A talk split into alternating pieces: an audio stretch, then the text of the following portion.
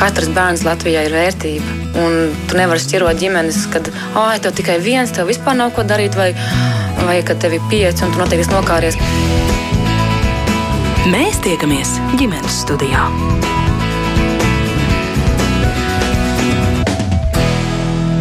Labdien, klausītāji! Radījuma producents Armītas Kolātes mērķis notiņa pie mikrofona.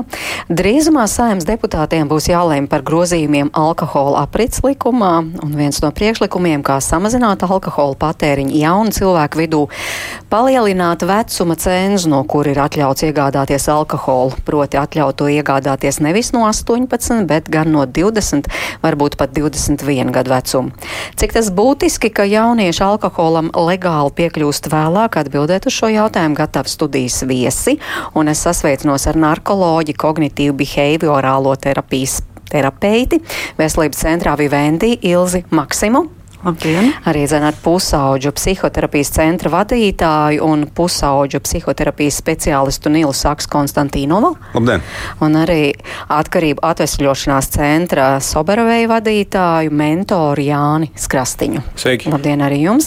Tātad pašreiz no 18 gadu vecuma alkohols legāli ir pieejams un, kā rāda pētījumi, reāli pusauģi alkoholu izmēģina agrāk. Nu, piemēram, slimību profilaks un kontrolas centrs, viņiem ir informācija 15 gadu vecumā.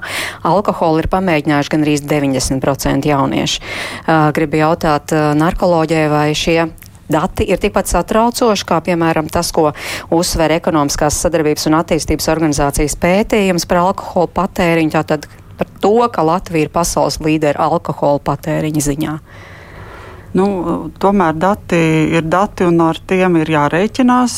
Ir jāsaprot, vai teiksim, tā aktualitāte, kas šobrīd ir arī no pasaules veselības redzējuma, no speciālistu redzējuma, ka alkohola ierobežošana nu, tā kultūra ir vedusi uz tādu normalizēšanas virzienu, un tāpēc tam tieši konkrēti ir jāpievērš nu, vairāk uzmanības. Mhm. Jā, un, bet no šis fakts tomēr, ka salīdzinoši agri tie ir 14 gadi, un vairums jau saka, jā, es zinu, kas ir alkohols. Mm -hmm. Tas ir satraucoši. Tas ir satraucoši. Manuprāt, tas ir satraucoši. Tāpēc jau arī tiek uh, zvanīts šis trauksmes zvans, ka ir jāietekmē vairāki faktori, kas noved jaunieti līdz šādai izvēlei. Apzināti, neapzināti, caur pieejamību, caur izvēli, caur bezdarbību.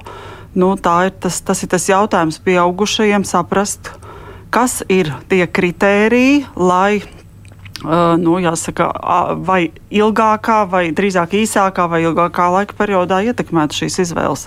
Bet uh, kāds ir parastas ceļš apmēram? Tātad 14, 11 gadi pamēģina, pēc tam tālāk, kurā brīdī tā kā aktīvāk sāk lieku, lietot? Nu, pieredzes stāsti noteikti ir dažādi, atbilstoši no vides, kurā šis jaunietis dzīvo, kādas ir viņa pieredzes, Eh, ja mēs runājam par šo traucējumu dabu, ir biopsihosociāli traucējumi. Līdz ar to ir vairākas komponentes, kas var noteikt šo jauniešu izvēli. Protams, tas ir vecums, kad uh, tās robežas tiek pārvirzītas, tās savas izvēles tiek veidotas caur cīņu, uh, pastāvēšanu vai pierādījumiem. Uh, mazinot kādu savu psihoemocionālu grūtību, vai tieši otrādi mēģinot atbilst kādam sociālam nu, stereotipam, normām. Uh, arī jāsaka tā, tomēr uh, kultūra vide vai tas, tas mājas vai tās, nu, sauksim par ģimeni, jā, uh, modelis arī var veicināt izpratni, nu, kāpēc nē, vai mēģināt. Mm -hmm. Un, um, nu, tur tas ceļš arī sākās kā pieredze, kā eksperiments. Gribu jautāt Nilam, kā pusauģu psihoterapijas speciālistam, vai tas ir normāli, ka 14, varbūt pat agrāk gados pamēģina? Uh, savā ziņā tas ir normāli, tāpēc ka tā, tāda tendence tāda ir bijusi vienmēr, kopš ir eksistējuši pusauģi. Uh, šis ir tas vecums, kurā pusauģi izmēģinās vielas un lietas, kas ir viņiem apkārt. Uh, mēs arī no savas kultūras pieredzes eh, skroderdienas silmačos. Mēs atceramies, ka Karlēnam ir 15 tieši gadi, kad viņi izmēģināja alkoholu. tas patiesībā nav tas, par ko mums vajadzētu satraukties. Tas, kas mūs interesē, ir, kuri no šiem pusauģiem turpinās lietot šo alkoholu, un kuri no tiem, kas turpinās to lietos problemātiski, tā ka tas viņiem sāks sagādāt problēmas. Tas, ka pusaudzis ir pagaršojis alu vai, vai vīnu 15, 16, 17 gados, jā, tā nav laba lieta, labāk, lai to nedarītu, bet tas patiesībā nu, nekādu kaitējumu vai postu absolūtam vairumam neizdarīs. No šiem jūs minētajiem 90%, kas ir pamēģinājuši, eh, un man šķiet, ir svarīgi arī vecākiem iedot to realitāti, eh, ka lielākajai daļai tas nekādas problēmas dzīvē nesagādās. Viņi izaugs uh, un, un, un alkohols nebūs viņas dzīves problēma. Bet būs neliela daļa, kurai tā būs problēma. Un tie ir tie pusauģi, uz kuriem mums noteikti vajadzētu uh, fokusēties. Un, un es domāju, šim visam stāstam vajadzētu būt par tiem. Jā, bet nu, cik neliela tā daļa ir apmēram? Cik procenti tad no tiem, kuri pamēģina, pēc tam, kā jūs sakāt, kļūst par tiem problemātiskajiem? To, to ir tā, gr ļoti grūti uh, aplēsēs, bet nu, kopumā tas ir kā, kā kā ar visām problēmu uzvedībām un problēmām, nu, tie, tie ir daži procenti no, no tiem visiem. Tā ir relatīvi neliela daļa. Un arī no tiem pusauģiem, kuri pusauģu vecumā uh, uzsāka alkohola lietošanu vai kur lieto problemātiski, no tiem tad, kad viņi pieaugs un sasniegs 25 un 30 gadus vecumu, arī no tiem tikai neliela daļa turpinās nu, teiksim, lietot problemātiski. Mēs runājam par, par nopietna problēma, bet tā neatiecās uz visiem. Un, savukārt šie aizliegumi, protams, tā ir tāda lieta, kas attiecās uz pilnīgi visiem. Un man šķiet arī vēl interesanti e, pie jūsu pieminētajiem datiem, kas arī man šķiet nu, interesanti lieta, ja mēs runājam par datiem, ka patiesībā jau alkohola patēriņš starp pusauģiem visā rietumu pasaulē samazinās. Un, uh, tas samazinās ar katru gadu, ja mēs skatāmies uh, statistiski. Uh, un tas ir saistīts ar visādām lietām. Tas pilnībā nav saistīts ar ierobežojumiem, jo ierobežojumi ir bijuši vienmēr nu, kaut kādā mērā šādi. Tas saistīts ar tehnoloģiju ienākšanu, ar jauniešu dzīvesveidu maiņu, mm -hmm. ar paražām. Viņi daudz vairāk sēž iekšā, mazāk uzstās, retāk iet ārā. Protams, lai jaunietis lietot alkoholu, viņam jāiziet ārā. Tāpat arī mainās vielu trendi, tās vielas, ko lieto jaunieši šobrīd un ar ko mēs arī redzam savā centrā. Un, droši vien kolēģi saskarās, tas, tā, tā, tas e, daudz retāk ir alkohols nekā kaut kādas citas e, lietas. Un, tas arī ir tāds plašāks konteksts. Nu, vai tiešām Latvijā arī jau tā ir realitāte, ka, kā jūs sakāt, e, jaunieši arī pusauģi lieto mazāk, retāk? Nu, Skaidri viņiem, par to liecina. Protams, bet viņiem jau arī ir, mūsu pusauģiem arī ir tas pats dators un tās, un tās pašas dzīvesveida tendences, kas pusauģiem visur nu, globālajā rietumu pasaulē. Mēs zinām, ka mūsu pusauģi tieši, starp citu, nu, viena no lielākajām lielākajām pusauģu problēmām šobrīd ir virsvars veidošanās un, eh, un visas šīs dzīvesveida radītās izmaiņas. Eh, otrā tipa cukuru diabēta riski, kuras eh, saistās ar šo maskastīgo dzīvesveidu. Un kam, protams, vien, tam ir arī pozitīvās sekas, un pozitīvās sekas ir tas, ka samazinās nosacītie alkohola patēriņš. Mm -hmm. Tas nenozīmē to, ka pusauģi to nelieto. Protams, ka viņi lieto, bet, ja mēs runājam kā tendencēs, tad tā ir nu, tomēr lejupējoša līkne. Nu, bet tādā gadījumā mēs tā varam neuztraukties mm. narkoloģiju jūs piekrītat, vienkārši dzīve ir mainījusies, un šis vairs nav aktuāli arī Latvijā. Es, es, pavisam nu, īsi pirms narkolāģa doktora atbild. Tas, ka tas samazinās, tas nenozīmē, ka par to nevajag uztraukties. Nu, respektīvi, ja mums ir uh, desmit cilvēki un nākamajā gadā ir astoņi, tas nenozīmē, ka mums nevajag par to uztraukties. Par to uztraukties vajag, bet nu, dati ir dati. Jā, nu, es noteikti Ilzi, negribu oponēt vai pateikt, ka, ka tie, tās tendences nemainās. Man liekas, ka tieši jauniešu kategorija ir tā, sabiedrības daļa, kur tās pārmaiņas ir visbiežāk novērojamas un nu, konstatējamas. Jā, bet uh, man liekas, ka te ir tā varbūt. Uh, ienāk kādas jaunas izvēles vai iespējas un, un, un tendences, bet tomēr uh, uz alkoholu šis fokus ir jāturpina saglabāt, jo diemžēl šī uh, viela tomēr klātesoša arī no praktiskās pieredzes ir nu, tāda gan bīstama no visa veida izpausmēm, gan no uzvedības izpausmēm, gan uz uh, seku izpausmēm. Un, uh, teiksim, tā, sekojot līdzi aktualitātēm, nu, nav, ne, nedrīkst, nu, tiešām nedrīkst pazaudēt fokusu uz uh, to, nu, vielu, kura um, ir radījusi tomēr jau problemātiku vairāku pauģu garumā. Jāni, jā, jūs droši vien varētu arī no savas pieredzes uz šo paskatīties. Jā, absolūti. Es no savas pieredzes varu paskatīties, un kā arī redzu to pašu tendenci, kas arī bija manā dzīvē, to pašu tendenci arī redzu principā šajos jauniešos, jo bieži vien satiekos ar jauniešiem, tiekos un runāju un redzu, kur viņi ir aizgājuši. Un, principā, jo jūs uh, palīdzat tieši jauniešiem un arī es, es, pieaugušajiem, kuri cieši no atkarībām. Jā, tieši jā. tā. Un, uh, To arī, ko mm, Ilzi ieskicēja, principā ir tā, ka uh, Uh, ir tas lielais satraukums ar tie vecāki, jo tie vecāki ir ļoti būtisks moments uh, šo jauniešu dzīvē. Un, uh, es sāku lietot alkoholu pirmo reizi 12 gados, un es uzreiz jau nokļuvu, man jau detoksikācija bija, es biju apčurājies, apvēmies, jau gulēju uh, sniegā un gandrīz vai nomiru principā. Un uh, es arī pats teicu, vairs nekad, bet es turpināju kaut kādā veidā. Un, Īsti nevarēju saprast, un es kā jau šodien uz to skatos, 14 gados jau sāku lietot narkotikas. Thank you. Un es no pieaugušiem dzirdēju daudz, ka nedrīkst lietot, un viss ir, mm, mm viss ir šausmīgi, un tu vari kļūt par bombu, un viss, visas tās lietas apkārt.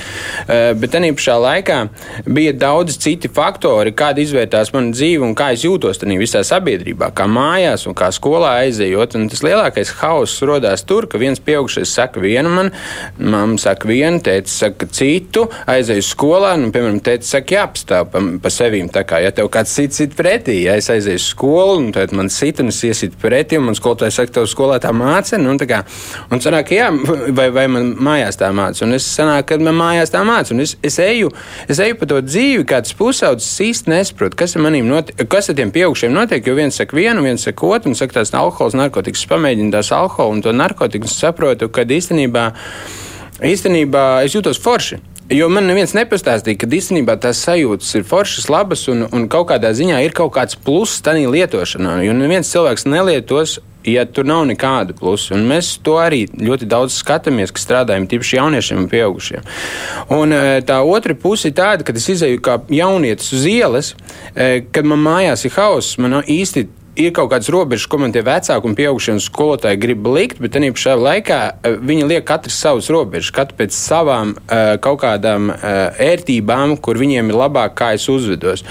Un izējot uz ielas, satiekot citus pusauģus, es jūtos pieņemts, es jūtos saprast, un tur ir skaidri noteikumi. Nu, ja man tur iesitīs, man iedos papūri, es varēšu iedot kādam papūri, ja es pateikšu tā, man būs tas, tur ir ļoti liela skaidrība un liela struktūra. Līdz ar to es jūtos droši, īstenībā drošāk ārā nekā aizjūt mājās.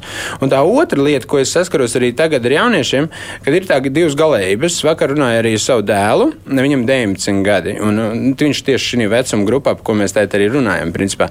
Un viņš teica, ka 3-5% apmēram viņa draugu kuri ir iespējams jaunāki, pat pa 18 gadiem, viņiem pērk vecāku alkoholu un, un dod viņiem. Tad arī ir šī vecāku liela atbildība un tāda nesapratne, par ko tas vispār mm. nozīmē. Un otra puse ir tāda, ka, kas aiziet izdzer vienu alu, un viņš atnāks mājās, viņu nolamās un varbūt viņu uh, sodīs. Un līdz ar to viņš labāk nenāk mājās, bet paliek pie tā drauga un dzer to otru alu. Un trešo un pasaka, es nenākšu mājās. Tā kā mums ir tas satraukums, rada abas divas šīs puses, par ko mēs runājam. Mums ir jāstraucas, bet varbūt mums nav jāstraucas, bet reāli jāapstāsta, uz ko mēs kā pieaugušie darām un kādiem mums ir jābūt, lai jaunieši nebūtu tādi. Jā, mēs, protams, runāsim kā tie pusauģi, kuri vēl nav sasnieguši 18 gadu vecumu, kā viņi vispār tiek pie alkohola, bet tā tad tas, kas jūs uh, nolika tajā kategorijā, kā mēs dzirdējām, daudz mm. pamēģina, bet pēc tam, nu, tā epizodiski un tu neturpini. Jūs tomēr, jums tā radās par nopietnu Ma, problēmu. Tātad, kāpēc? Tāpēc, ka tā labā sa sajūta pēc tā alkohola lietošanas. Man bija, eh, principā bija tā, ka pirms es lietoju alkoholu narkotikas, es biju ļoti kautrīgs. Noslēgts vairāk mājās, siltumā, es aizēju uz skolu, man es nejūtos ērti, pieņems, es nesaprotu īsti sevi. Un tas interesantais tas, un es nemācījos, ļoti cik mācījos. Lietojot tīpaši narkotikas, kad es sāku lietot narkotikas, izēju ārā un man parādās tāda enerģija, aktivitāte, sāku runāties ar meitenēm, es varu skārtot māju, naktīs neguļu, pildu mājas darbus. Vecākiem patīk tādi bērni, paklausīgi savā ziņā, viņš tur pilda mājas darbus, kārto māju, viņš iet uz skolu, viņš ir aktīvs, es pats runājos, es jūtos, nu, man meitenes sāk patikt vairāk, un tā kā es meitenēm patīk, es palieku aktīvāks, līdz ar to man dzīve uzlabojas. Mm -hmm. Pirmajos mēnešos fantastiski. Bet alkohols to mm. pašu dod? Nu, jo mēs šobrīd tomēr Tas, apstājamies pie jā, alkohola jā, okay. lietošanas. Uh, savā ziņā, jā, tā vide pamainās noteikti. Uh, vismaz es jūtu, es zinu, man ir tas, uh, teiksim, tāds aizmugurs, tāds spilvens, kad man vakarā būs grūti, tāpat arī kā pieaugušiem aiziet mājās un iedzert. Šis ir tāds spilvens, kur es zinu, ka es varu aizbēgt tajās, nu, tajā mierā, dabūt to mieru, un tas ir tur, jā. Tas ir viens no iemesliem, vai ne? Nu, iemesli ir ļoti dažādi, lai lietotu alkoholu, justies vieglāk, justies labāk. Uh, um, palīdzēt sev iemigt, um, nejust uh, par kaut vai arī fiziskas sāpes, nu, alkohola darbības. Uh, Šis potenciāls katrs piemeklē, var piemeklēt uh, pats priekš sevis, bet uh, tieši te jau ir tās uh, nianses, kur ir tās dažādas atbildības, kur ir atbildība vecāku par savu bērnu un izglītošanu un uh, pieejamību. Valsts atbildība arī jau par pieejamību gan ārstniecības, gan informācijas ziņā, gan arī nodarbinātības ziņā un paša individa atbildība. Nu, jāsaka, tā uh, saprast, pielāgot un lūgt palīdzību, kas arī ir kaut kas tāds jauns, ko jaunietim uzzināt, uh, jo biežāk atkarības ir kā skeleti skapī, kuri slēpjas tik ilgi, kamēr neizkrīt ar lielu blīkšķi un izkrīt visai ģimenei. Jā, bet nu, kā tad tie atgriežamies pie jautājuma, kā tie pusauģi šobrīd, nu, kā viņi legāli tiek pie alkohola? Lai legāli jo, netiek, valstī ir aizliegts. Nu, jā, nu, taču aizliegts līdz 18. tādā gadījumā, nu, bet tomēr tiek, kā, kā nē, nē, protams, ka tiek tāpat kā nu, mēs labi saprotam, ja mēs runājam par aizliegumiem vispār tā jo tomēr mēs, ehm, man šķiet, ka mums ir vērts paskatīties uz šo atkarību samazināšanu arī nu, drusku no zinātnes perspektīvas. Jo šī te, uh, atkarība mazināšana tā tomēr pēdējos gados ir uh, diezgan attīstīta gan pētniecība, gan zinātne. Mums ir kaut kādas vadlīnijas lietas, kas strādā, kas nē. Un šie aizliegumi ir viena no lietām, kas ir vismazāk efektīvā. Tiem ir jābūt te, tiem ir sava vieta, bet tie ir viena no vismazāk efektīviem. Kāpēc tas īsti nestrādā? Mēs, mēs par narkotikām tieši to pašu redzam. Uh, ir, ir vielas, ir nekad nav bijušas tik brīvi pieejamas kā šobrīd. Arī ar alkoholu mēs runājam par konkrētiem ceļiem. Nu, to ļoti bieži nopērk bezpajumtnieki uh, veikalā. Um, pusaudzis iedod viņam drusku vairāk naudas, viņam iznes alkoholu. To nopērk 18-gadīgie klases biedri, to vecāki nopērk, viņi paņem no mājām, reizēm viņi nozog. Nu, Restīvi tā nav, tā nav tāda milzīga problēma. Uh, jebkurā klases ekskursijā, kurš ir sākot no 8. klases uz augšu, droši vien no Somā kāds būs pamanījies dabūt pudeles. Līdz ar to, ja mēs runājam par aizliegumiem kā tādiem, nu, tas ir viens no argumentiem, kāpēc. Um, tā nav tā lieta, uz ko tik milzīgi centrēties, tāpēc ka tā nebūs efektīva. Mums aizliegumi jau ir šobrīd vietā. Nu, līdz ar to e, cerēt, ka kaut kāda vēl papildus aizlieguma risinās problēmu, droši vien tā mm -hmm. nu, tas, tas nav īsti. Jo tas mūsu uzdevums šodien runā par vienu no aizliegumiem, ko grib papildināt. Tātad šobrīd legāli alkohols pieejams no 18 gadu vecumam. Uh, ir doma, ka varētu no 20, 21 uh, gada Tādā gadījumā tur nav nekāds racionāls gr grauds tajā.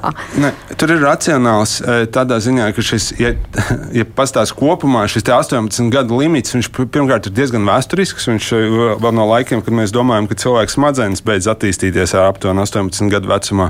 Otrs, e, nu, mēs arī saprotam, ka mūsdienu, un šo, šobrīd mēs zinām, ka 20, līdz 25 viņas attīstās aktīvi un tu, principā turpina vēl ilgāk. Otrs ir tas, ka nu, tomēr mums jābūt godīgiem. 18 gadīgs cilvēks 1940. gadā, 18-gadīgs cilvēks 70. gadā, 2000. un mūsdienās, tad ir pilnīgi dažādas lietas. E, gan, to, gan tajā, kā, kāda ir viņa attīstības līmenis, gan tas, kas viņ, no viņa tiek sagaidīts, sabiedrība atbildība vispārējais. E, tas, kas vēl būtu varbūt plus šim, te, e, tāds labs arguments pateicoties, e, kāpēc šis aizliegums būtu vajadzīgs. Tāpēc, ka mūsdienās 18 gadnieki mācās vienās klasēs ar 17 gadniekiem, respektīvi viņi iet skolās. Un tas nozīmē, ka ļoti bieži šie 18 gadnieki ir tas kanāls, caur kuru skolā ieplūst alkohols, cigaretes, vispārējās lietas. Tādā ziņā tie varbūt būtu jēgpilni domāt. Bet ir, es īsti pateikšu, kāpēc būtu jābūt arī uzmanīgam par šo. Jo viens, nu, Latvijā tas tā ir ierasts. Mums tā vēl no Padomju Savienības droši vien šī praksa. Tikko mēs runājam par kaut kādu profilaks vai kaut ko tādu aizliegumu, ir tā centrālā lieta. Tas ir tas, ko mēs varam izdomāt, un tad viss ir it kā, ja mēs pieņemsim aizliegumu, tad pēkšņi tas viss tā darbosies un, un pusauģis nepirks alkoholu. Restīvi, runājot tik daudz par aizliegumiem, mēs nerunājam par to visām pārējām lietām, kuras ir daudz efektīvākas un daudz vajadzīgākas. Mhm. Un otra lieta tas paver arī vēl virkni citu jautājumu. Ok, 18 alkohols. Bet kā mēs darīsim? Mēs šiem cilvēkiem, vai mēs viņiem ļausim iet armijā? Tad sanāk, ka mums būs cilvēki 18 gados, kuriem, kuri drīkst izvēlēties iet armijā, kur drīkst mācīties nogalināt citus cilvēkus, bet nedrīkst nopirkt aliņu bārā. Vai mēs viņiem ļausim precēties? Tad sanāk, cilvēks varēs izvēlēties sev dzīves biedru, bet nevarēs izvēlēties kādu dzērienu viņš cers balītē vai, vai savā kāzu banketā, piemēram. Nu, respektīvi, tur uzreiz pavērās vēl dažādi. Jā, jautājumi. no jūs jau sākāt gan ar argumentiem pār, gan arī pret argumentiem, kāpēc varbūt tas arī nebūtu liederīgi. Un, starp citu, par šo vispirms tomēr apstājamies pie tā, kāpēc jā, jo tas tam ir jau tāda vēsture ar garu vārdu. Es skatījos 2012. gadā, piemēram, par to aktīvi iestājās ārstu biedrība, un tur tiešām arī bija trīs uh, tādi pamatojumi, kāpēc uh, vajadzētu tomēr palielināt to vecumu cenzu. Un, nu, starp citu, ļoti līdzīgi. Tātad pirmais, ja jaunietis nav sācis dzert līdz 21 gadu vecumam, viņš gandrīz nekad nevar kļūt par alkoholiķu. Otrais arguments - cilvēka organisms nenobriest vienlaicīgi, nervu sistēma attīstās līdz 23, 25 gadu vecumam, un turklāt pēc 20 gadiem attīstās tieši augstākie nervu centri un smadzeņu puslodēs un iegarinājās smadzenēs un ļaujot bērnam dzert līdz 21 gadu vecumam. Mēs viņam liedzam attīstīt talants, un trešais arguments, ko te arī jau pieminēja, ka Latvijā bērni mācās skolās pat līdz 20 gadu vecumam, un tad iznāk, ka tiem, kuriem ir 18, mierīgi nopērk to alkoholu pārējiem. Mm. Ilze, ko jūs gribētu pa, vispirms par to? Es nezinu, jūs esat par vai pret, un, un kādi ir tie jūsu pamatojumi? Kāpēc es, vajadzētu celt šo cenu? Es esmu o, sapratusi to, ka diemžēl tiek viens kaut kāds um, akcents likts un izvēlēts, lai varētu novirzīt fokusu no ļoti daudzām citām lietām, kuras arī vienlaicīgi ir jāpiepilda. Nevis tikai jāizdomā vienu vecuma robežu. Jo, ja mēs raugamies uz šiem te, uh, galvenajiem virzieniem, tā ir pieejamība, pieņemamība un pirktspēja. Un būtībā šīm trim lietām būtu jāstrādā vienlaicīgi. Nevis mēs pieņemam vienu plāna punktu un tad ar to veidojās diskusija profesija, kura industrijai varētu ļoti patikt, jo tieši šie akcenti ir ārkārtīgi vērā ņemami. To drīkst, šito nedrīkst. Bet arī runājot par to, ka uh, tomēr arī, uh, uh, lai tās izvēles nu, nenu, uh, radītu tādu saprātīgu virzību, Jo šeit, manuprāt, tomēr uh, ierobežot, pacelt uh, vecumu, ok, ja to vajag, jo arī pasaulē ir tāda praksa un pieredze, bet, manuprāt, ir arī ļoti svarīgs fokus uz to, kur to var nopirkt. Ja tas ir pieejams blakus čipsiem, kā es mēdzu teikt, un kožlenēm, nu, man liekas, tas ir ļoti neok mesīčs. Tas vēl vairāk satracina būtībā sabiedrību par to, ka nav tāda kopēja skata, gan arī uh, tās cenas un tā tālāk.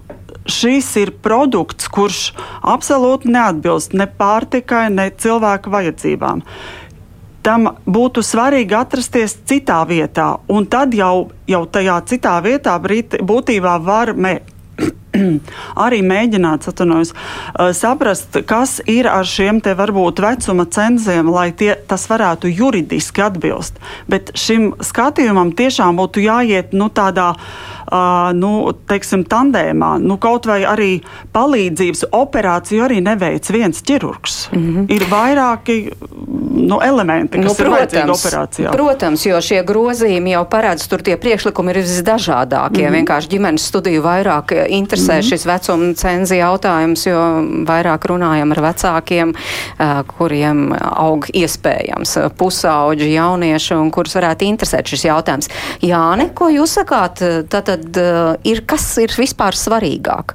Nu, kā piemēram te Ilze teica, panākt to, lai nepārdotu blakus čipšiem alkoholu, vai, vai tomēr celt arī šo vecumu cenzu un pateikt, nē, o, o, nu, tā teikt, uh, oficiāli tikai no 20 Jā. vai 21 gadu vecuma. Jā, šis ir ļoti, ļoti, ļoti selektīvs tāds viens pasākums, kur mēs skatāmies uz vienu lietu, atkal ierobežot kaut kādas lietas. Absolūti, ja man vienkārši pasaka, man tā jautā, vai celt vai necelt, droši vien vienu, kad ir kaut kādi, pastāv arī zinātnē un pierādījumi, un tas, kā ķermenis un uzbūve visi jaunieši kā attīstās, noteikti, kad jādrošina. Bet tad ir akali jautājums, jā, par visām tam, tiem jau jautājumiem, kas ir šeit jau ir izskanējuši. Nu, manuprāt, un tas akali ir tā, tā kā arī akali ilgs minēja, kad novirzīts no kaut kā būtiskāk pavisam, man liekas, tā attieksme, tā kultūra un vispār izpratne par to, kas ir alkohols, ir šausmīgi zema kā tāda.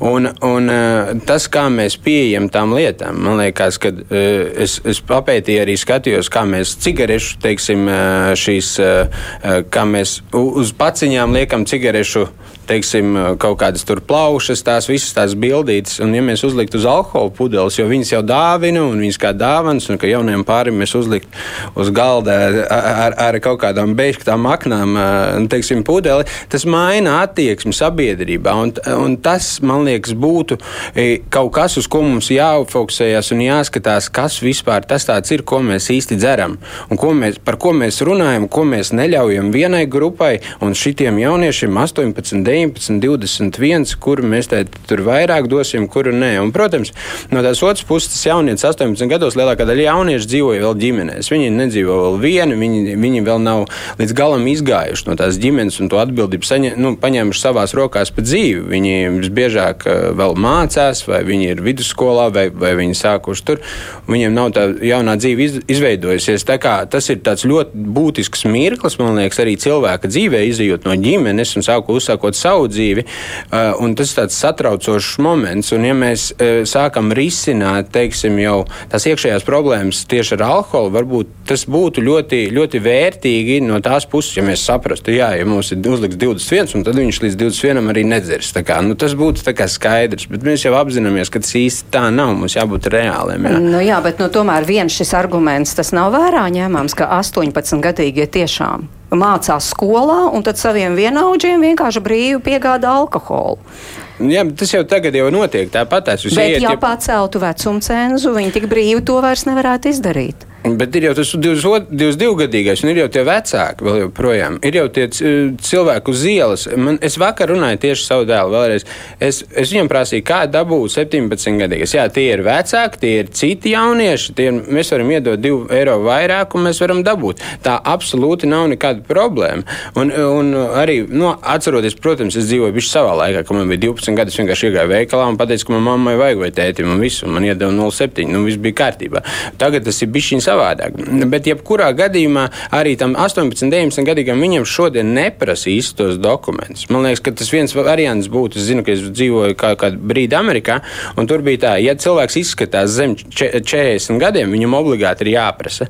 Nu, kā, vienmēr pārbaudīt šos dokumentus un skatīties uz tām lietām, un varbūt tos sodus likt vairāk tiem, kas pērk tiem jauniešiem. Nu, tur var skatīties ļoti komplekss, tas ir ļoti komplekss pasākums. Es domāju, tik selektīvi mēs vienkārši par to vienu gadu vecumu tur mm. mēs neko īsti neatrisinām. Jā, jā bet nu, Nil, tomēr šis viens arguments, tātad 18 gadīgie vairs nevar nopirkt un aiznest saviem vienaudžiem, vai tomēr tas nav pietiekami spēcīgs arguments, lai par šo domātu un lemtu? Mm, tikai šāds, es teiktu, ka tas na, nu, netur ūdeni, teikt, jo, jo nu, protams, tur būs pretarguments spēcīgāk. Bet, nu, man šķiet, ka ir tomēr vērts arī uzdot to jautājumu, ko mēs īsti gribam panākt. Kā, kas ir tas, ko mēs šādā veidā mēģinām? Jo, ja mēs mēģinām risināt uh, pusauģu atkarību problēmas, mēs mēģinām panākt to, ka um, teiksim, tik daudz cilvēku Latvijā nelieto problemātisku alkoholu, tad šis nebūs efektīvs risinājums. Pilnīgi noteikti. Nu, to mēs saprotam. Jo tas uz atkal ir tie problemātiskie pusauģi, uz ko mēs vēršam uzmanību. Tie sen jau ir sākuši lietot 14, 15 gados, un viņi dabūs alkoholu neatkarīgi no tā, kāds šis šādi ierobežojumi vairāk attiecās nu, uz tādiem vairāk mazāk kārtīgākiem pusauģiem, kuri nepieliks pārāk liels pūles, lai tiktu pie tā alkohola. Nu, viņam tas nav tik svarīgi, bet viņam arī nav tik lieli tie riski. Un, eh, nu, līdz ar to, jā, protams, ierobežojumi ir vajadzīgi, bet šis nu, nerisinās to problēmu. Ar to ir jārēķinās. Eh, un otra lieta, tomēr jābūt ļoti uzmanīgiem, jo atkarību samazināšana ir ļoti jutīga lieta. Mēs varam ar nepārdomātiem lēmumiem palielināt citu veidu problēmas. Tur pieminēja jau Ameriku, tas ir labs piemērs. Amerikā ir šie skarbie likumi, un tur alkohols nodots vienu gadu vecumu. Reizē Amerika ir vieta, kurā ir viena no vislielākajām atkarību epidēmijām, kur tiešām ir traģiskos apmēros šīs pusauģa jauniešu atkarības. Um, viens no iemesliem, kāpēc par ko mums ir jāpadomā, ok, mēs padarīsim grūtāk alkohola pieejamību, ko darīs šie problemātiskie pusauģi vai potenciāli riska pusauģi. Viņi sēdēs, dzers tēju, nē, viņi sēdēs visticamāk smēķēs marihuānu, kāds ir pārsvarā Amerikā, kur marihuāna ir pieejama daudz vieglāk. Vai viņi jau lietos tikai jau vēl cita veida narkotikas, kuras nu, jau ir daudz grūtāk kontrolējams un tā. Līdz ar to šādi lēmumi šī, šī ir ļoti, ļoti sensitīva lēmuma, un tas nav mm, tāds viens arguments, ok, tagad pusaudzis neienesīs skolā, tur ir alus pudeli. Es, bet, nu, padom, mums tā, tā tomēr ir, ir lieta, kas skar milzīgu sabiedrības daļu, un par ko mums ir jābūt ļoti, ļoti uzmanīgiem, lai mēs neeskalējam citu veidu problēmas šādā veidā. Vai šādā veidā var eskalēt citu veidu problēmas? Nu, šajā gadījumā ir vienmēr īstermiņa un ilgtermiņa rezultāti vai, vai sekas. Un te man uh, ir līdzīgi kā ar jebkura veida audzināšanu vai pieeju. Es varu iedomāties vēlamo teorētisko bāzi tam, kāpēc es to daru, bet man uh, nevienmēr ir zināms, kādas tas nesīs sekas. Un es teiktu tā, ja ir ļoti maz variantu par to, ko mēs vēl varam mainīt, tad tas ir viens no veidiem, ko darīt, ja tas ir vienīgais, ko vispār var darīt. Bet vai tas nesīs ilgtermiņā rezultātu, to var rādīt laiks. Bet ja tas var uh, tomēr mainīt uh, viedokli par to, kā valsts rūpējās par savas sabiedrības psihisko veselību, nu, tas ir viens no. Mhm. Bet uh, šis aizliegums, protams, var radīt liekas vai nu, negatīvas emocijas, nu, tādu protestu, bet tieši tāpēc jau iepriekš minētais, ka ir svarīgi un tas būtu tā mērtiecīgi salāgot vairākas pārmaiņas, nevis tikai šis te viens uh, aizliegums vecuma. Nu, ja citu variantu nav labāk, ka tā. Nevis, uh, jā, kā, kā, kā nepastāv, mēs paliekam pie visvecā un nemainīgā.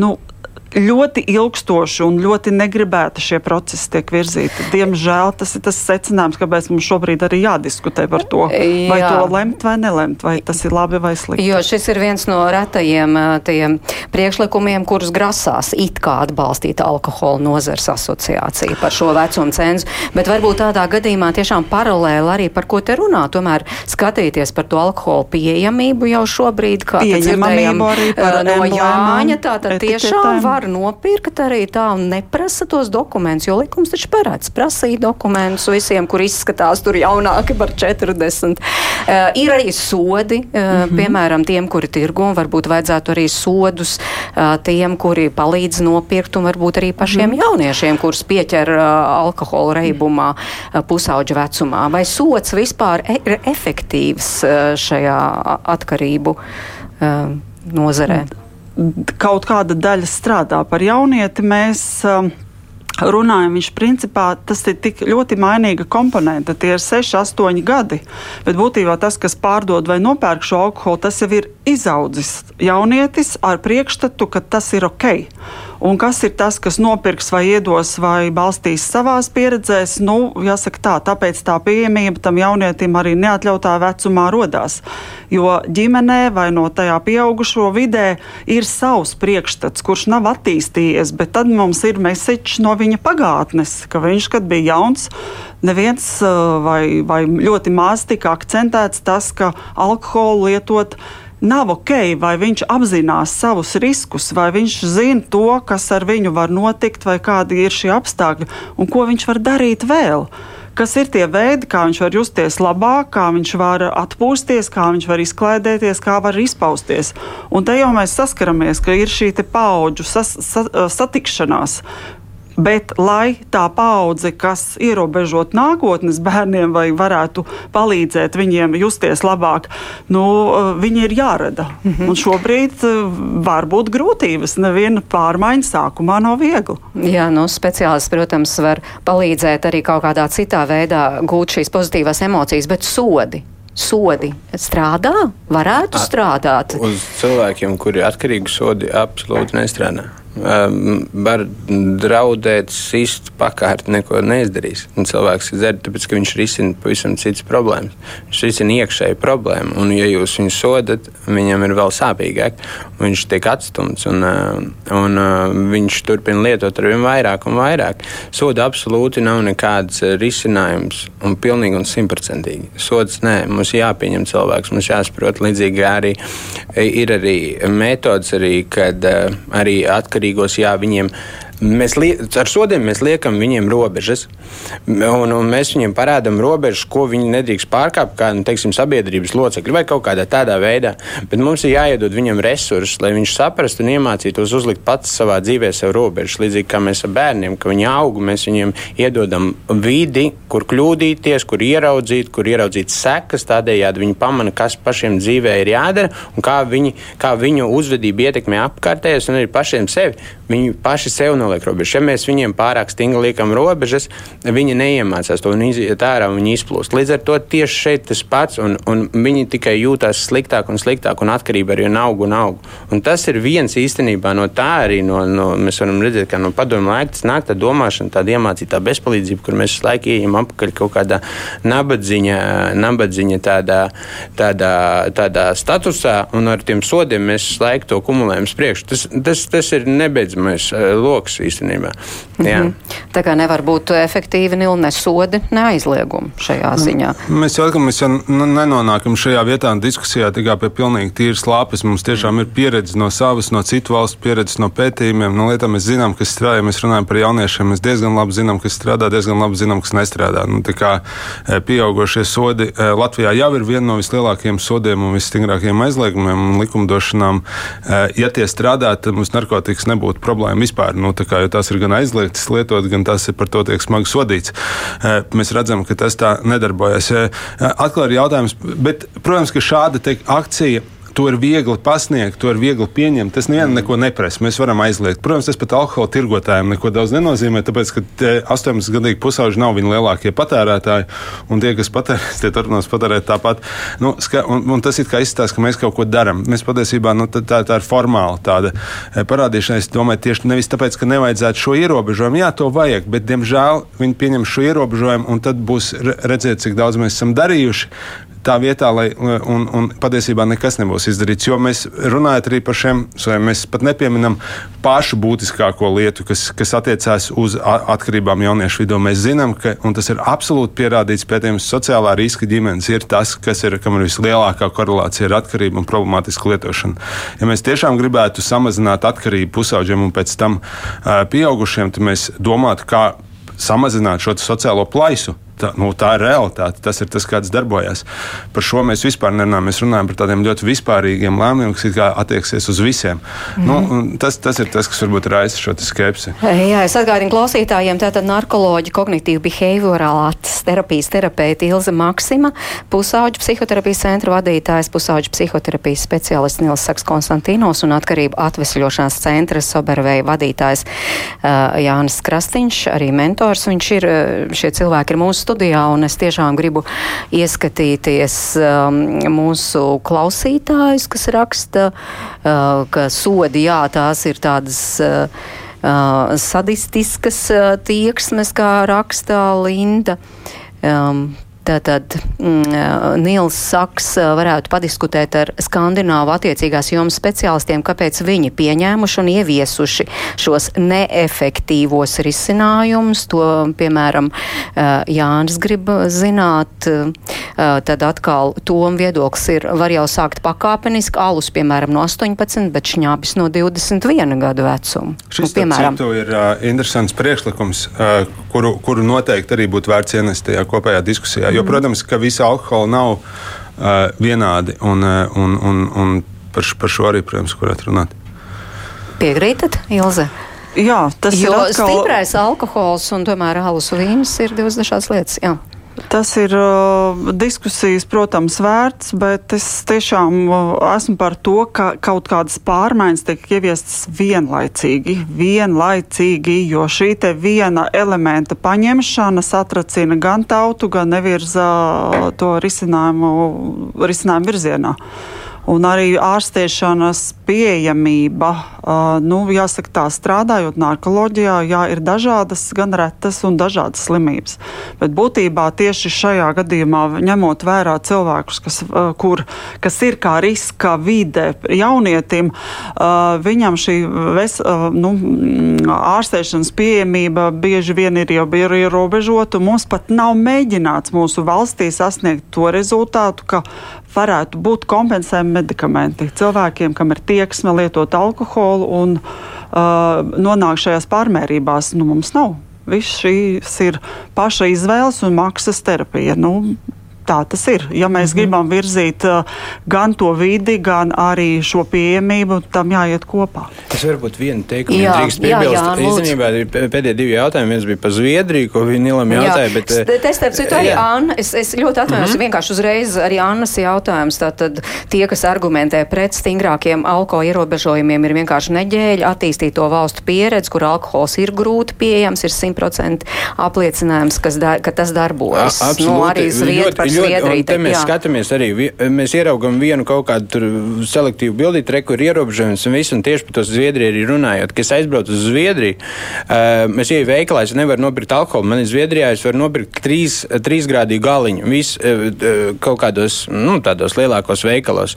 Un tad es eju uz, uh, tad es eju, ja es gribu pirkt kaut kādus spēcīgākus, stiprākus dzērienus, man jāiet uz alkohola veikalu, un kur man ir jāuzrāda ID kartu, un man pieraksta, kad es esmu pircis viņu. Un, ja es trīs reizes nedēļā aizēju nopērkt litru šņābi, pie maniem atbrauc sociālais dienests. Un šeit arī tie ir ierobežojumi, kur ir arī tā Zviedrija, ir tur, kur ir uh, tie aliņi atsevišķi, varbūt no 18 gadiem, no 21 gadu uh, ir spēcīgāki, un tad mēs liekam klāt visādus ierobežojumus un vēl visādus sodus un vēl visādu mistiku tur. Bet sākumā mēs sākam no paša, paša sākuma. Mēs pavisam savu, tas ir komplekss, un par to arī runā, bet cilvēki uzdod jautājumus par atsevišķām tēmām. Reku ir šis un reku ir šis, bet reku ir komplekss, un par to neviens mhm. neskatās un nerunā. Jā, un arī tas komplekss, par ko runāja arī Nils, ka, piemēram, kā jūs sakāt, nu, ierauga tātad pārāk lieto uzreiz ir uh, dienesta, piemēram, sociālā dienesta uzmanība, Jā, kas notiek. Tā, un tas ir liels resurss, un ja mums tagad paņemsim un tagad pie katra, kas izdzer litru šņābu, mēs uzsūtīsim sociālo dienestu, nu, tam mums neviens nebūs, jo mums jau 40% policija policistu trūkst un vispārējie. Nu, tieši par to, ko arī Nils saka, mums ir tā plaisa ir liela. Līdz ar to mums principā tā valsts paliek gan izvēlē ar vien nabadzīgāk, resursi mums trūk un, un, un mēs nevaram neko kontrolēt. Un mēs tik liekam ierobežojumus, bet kurš viņus kontrolēs? Nu, kāda tam jēga beigās? Jā. Absolūti, un ja šis skandināvu piemērs, bet mēs skatāmies uz to aizliegumu. Pirmkārt, Skandināvijā ir bijušas viens no tradicionāli lielākajām heroīna problēmām. Piemēram, tur ir cita veida problēmas. Otrkārt, mums vārds paskatīties, cik daudz šīs valsts ieguldās šīs sociālās plaisas mazināšanā, kādas ir Zviedru jauniešiem iespējas pieejas visa veida sportam, izklaidēm un pārējām lietām, un kādas tās ir Latvijā. Nu, kā, kāda tur ir pakalpojuma dienas, kādas tur ir skolas gal galā. Visas šīs lietas, kuras mēs zinām, kuras ir primāri svarīgs jauniešu e, profilaksē un prevencijā. Ne jau tas viens vecuma aizliegums. Un, un tieši kā reizes gribētu teikt, ka mēs vēršam uz šo uzmanību, tāpēc, ka ja e, valsts pieejas Eh, atkarību jautājumam šādā veidā, ar deklaratīviem, īstenībā neefektīviem lēmumiem. Tas kā reiz mums traucē iz, iz, iz, izveidot šīs pārējās lietas, tāpēc ka šis ir kā attaisnojums, arī kur mēs esam darījuši jau šo. Un tagad mēs atkal varēsim kādus piecus gadus par jauniešu alkohola problēmu īsti nerunāt, tāpēc ka nu, ir pieņemta tāda, tur paies vēl laiks, kamēr viņas ieviesies dzīvē, tur būs kampaņas, tur varēs mēdīja reklāmas, būs ap to būs daudz komunikācijas, un, un realitātē nekas nemainīsies. Tieši tāpēc jau mēs par to uh, runājam un kritizējam, lai mēs varētu ieviest tās pārējās lietas. Bet kas tad ir tās pārējās efektīvās lietas? Te jau sarunas gaitā izskanēja, bet prasītos tomēr tāds apkopojums, ja runājam tieši par pusauģiem. Un atgriežamies pie tā, tātad 90% 11 gadi pamēģina. Tas tā kā atbilst pusauģu vecumam, kaut pamēģināt kaut ko aizliegt un tam līdzīgi. Bet svarīgi jau, lai pēc iespējas mazāks procents tiešām kļūtu atkarīgi.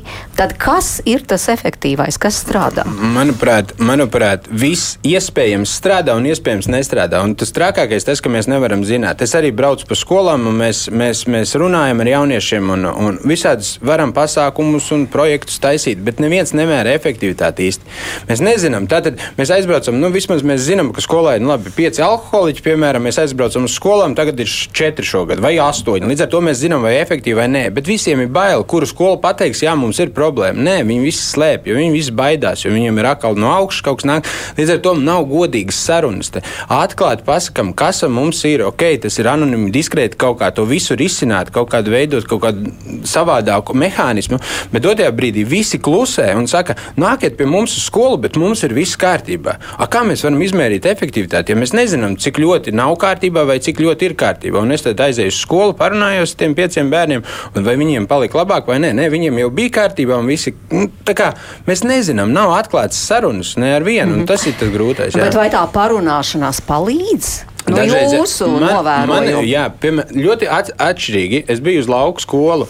Un man pienāca jaunietis, viņam ir 18 gadi. Viņš saka, man ir problēma.